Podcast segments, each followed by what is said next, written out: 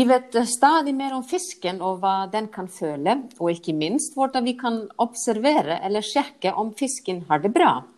Fiskevelferd har blitt et stort og viktig tema som både forbrukere og fiskeoppdrettere er opptatt av. Velkommen til Vettpotten, Veterinærinstituttets podkast for deg som er opptatt av god dyrehelse og velferd hos både landdyr og fisk, mattrygghet, klima og miljø. Gjesten min i denne episoden er forsker innen fiskevelferd, Kristine Gismervik ved Veterinærinstituttet. Velkommen, Kristine. Takk skal du ha, Bryndis. Hvorfor skal vi være opptatt av fiskevelferd? Nei, fisken er jo levende individer med sine egne behov og ikke minst egne sanser.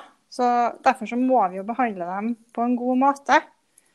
Og så er de jo det viktigste husdyret som vi har. Eh, så Vi er jo ikke bare lovpålagt å bry oss om fiskevelferden, men det sier jo litt om oss sjøl som mennesker, hvordan vi behandler husdyrene våre. Og Jeg kan jo fortelle en historie en gang om eh, Jeg ble spurt da, hva jeg jobba med. Eh, og han som spurte, var både oppegående og kjempehyggelig. Og, og da jeg svarte du, jeg jobber med fiskevelferd, så flirte han. Han trodde jeg spøka, rett og slett. Uh, og da ble han også litt beskjemma, han hadde jo sosiale antenner, over sin egen reaksjon. Uh, og det illustrerer litt det der at mange de tenker ikke på fisken som et dyr som kan ha en velferd overhodet. Og Derfor er det viktig å jobbe med holdningene til dyrevelferd, og da særlig velferden for, eh, for fisk. Men hvordan har våre oppfatninger om fisken preget hvordan vi behandler den? Historisk sett så har vi jo kanskje ikke tenkt på at fisken er et vesen som kan føle noe særlig. Og Derfor så har vi kanskje ikke tatt like mye hensyn til den heller. F.eks. så sier vi jo i språket vårt så sier vi 'kald som en fisk'. Eh, og da mener vi nettopp en person da, som ikke har noe mye følelser. Og det er jo egentlig feil, fordi fisken den kan jo vise følelser. Eh, den har jo en atferd som kan være forenlig både med frustrasjon, forventning, aggresjon og ikke minst også smerte. Og smertesansen den er jo helt livsviktig. Sans for at uh, alle organismer kan overleve uh, og ikke bli spist og gjøre veivalg her som, som er fornuftige. Så eh, jeg tenker jo at menneskene, eh, folk sjøl, må jo få litt mer kunnskap om fisken. Og da får de også naturligvis litt mer empati for fisken, når de vet hvilke behov de har, og hva de er i stand til å sanse og føle. Eh, og denne type opplæring har jo vært obligatorisk for røkterne nå i ca. ti års periode. Og det er jo sånn at eh, Jo mer kunnskap du får, eh, jo mer kan du også bry deg. Og Jeg husker jo en gang en røkter han ringte meg. Han var så fortvilt, fordi at måten de ble pålagt å behandle fisken på, gjorde at han kom litt i skvis mellom det der å være lojal mot sin arbeidsgiver og være lojal mot sin egen etiske vurdering av det som er gjort. Og Senere undersøkelser har jo vist at det kan være flere røktere som føler det sånn. og Derfor er det så viktig at det er ledelsen som også tar tak i det her, sånn at både fisken kan få det bedre, men også at de ansatte som jobber med fisk, eh, kan ha en, en god hverdag der, eh, der, de kan få lov til å bry seg om fisken, for det gjør de virkelig. Nettopp. Men, eh, men, hvorfor eh, har fisk tradisjonelt blitt behandlet dårligere enn landdyr, kan man si? Det har litt med historien eh, til fisken som et husdyr. Da. Den er ganske nyere. Vi har jo ikke hatt i hvert fall oppdrettsfisk som et husdyr så lenge. Og så har vi med oss en veldig lang tradisjon med fiske og fangst, der vi ikke har tatt like mye hensyn til fisken som levende individer. og De heller ikke har på en måte hatt det samme regelverket som husdyr har hatt for eh, dyrevelferd. Da.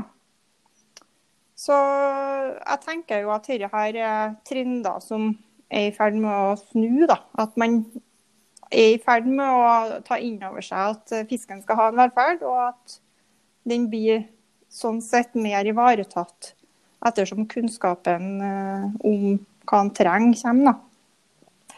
Men Kristin, nå har du forska mye på dette her. og Hvordan vet man om en fisk har det bra eller dårlig?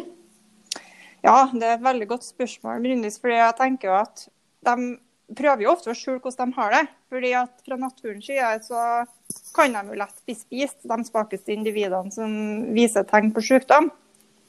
Men hvis du har fått et litt trent øye, da, så oppdager du ofte at uh, det er noe som ikke stemmer. At fisken beveger seg litt annerledes. Kanskje han står uh, langs kanten og ikke fordeler seg i vannsøyla, eller at han svømmer litt mer på sida. Altså, det er tegn du kan se på fisken om at OK, her er det et eller annet som er på gang, og noe som skjer.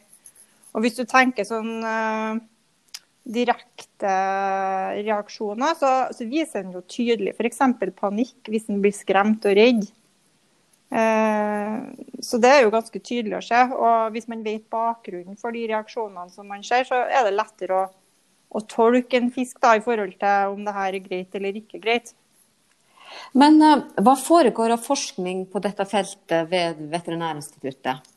Nei, vi holder på å jobbe med gode protokoller for velferd. Altså hva er det vi kan måle på fisken sjøl? Hvordan kan vi måle det? Hvor mange individer må vi måle det her på? For å kunne si noe uh, om fisken sin velferd. og Grunnen til at vi gjør det her og utvikler det her videre, er jo at vi vil bidra til at det kan være lettere på et vis å sette litt sånn tall, eller at, lage litt sånn tyngde bak det der med velferd også. At ikke på en måte man bryr seg om økonomien og, og det man har veldig sånn håndfaste tall på. Eh, at ikke det skal overstyre eh, den eh, fiskevelferdsmessige gevinsten man har da, ved å fokusere mer på det i drifta. Fordi at dette går jo samme veien. sånn at Hvis du har en god velferd i besetninga di på fisken, så vil du også få bedre forhold å drifte under og, og, bedre økonomi selvfølgelig også kan du få. Men det er ikke alltid de går i samme retning, men ofte går de veldig, veldig i samme retning. Nettopp. Men eh, hva, det, hva, forventer vi å vite mer om når det gjelder fiskevelferd eh, fremover? Nei, Vi forventer nå å få mer kunnskap om hvordan vi skal kunne måle velferden hos fisk. Eh, og at vi kan få brukt den type velferdsindikatorer mer systematisk. Da kan vi si mer om hvilke systemer vi mener egner seg best for fisken. Vi kan bruke den type vurderinger til å vite mer om hvordan vi skal forvalte fremover da, eh, i forhold til fiskevelferd. Hvordan skal næringa vokse? Hvordan skal de eh, nye systemene for å oppdrette fisk se ut i fremtida? Eh, der vi har lagt ned noen premisser for for fiskevelferden helt i bunnen. Og da tenker jeg at det, det, er viktig å være så konkret som mulig. Og dødelighet er jo én indikator, eh, men den sier ikke så mye om hvordan fisken har hatt det på forhånd før den er død. Så det å kunne klare å fange opp eh, mer på en måte før det skjer ting som fisken ikke tåler, det er veldig med på å forebygge eh, og bedre fiskevelferden. Vi, vi, hører av og til at det snakkes om en glad laks. Uh, hvordan vet vi at laksen er faktisk lav? Ja, det, det, er jo et veldig godt spørsmål igjen. Uh, jeg tenker at han skal i hvert fall ha dekka sine grunnleggende behov. Og Det er jo både ernæring og det er trygghet. Det at han ikke skal bli skada på noe vis. At han har rent nok vann god vannkvalitet. Det er viktig. Sånn at han i hvert fall vi legger de premissene innenfor de rammene vi vet eh, er bra for den. Og så er det jo å selvfølgelig unngå sykdom. Eh, sykdom har store velferdskonsekvenser for fisken. Og det å drifte på en sånn måte at man eh, i størst mulig grad unngår at den blir syk, det er god fiskevelferd. Dette var kjempespennende å høre om. Tusen takk for samtalen, Kristin Gismervik. Takk skal du ha. Sjøl.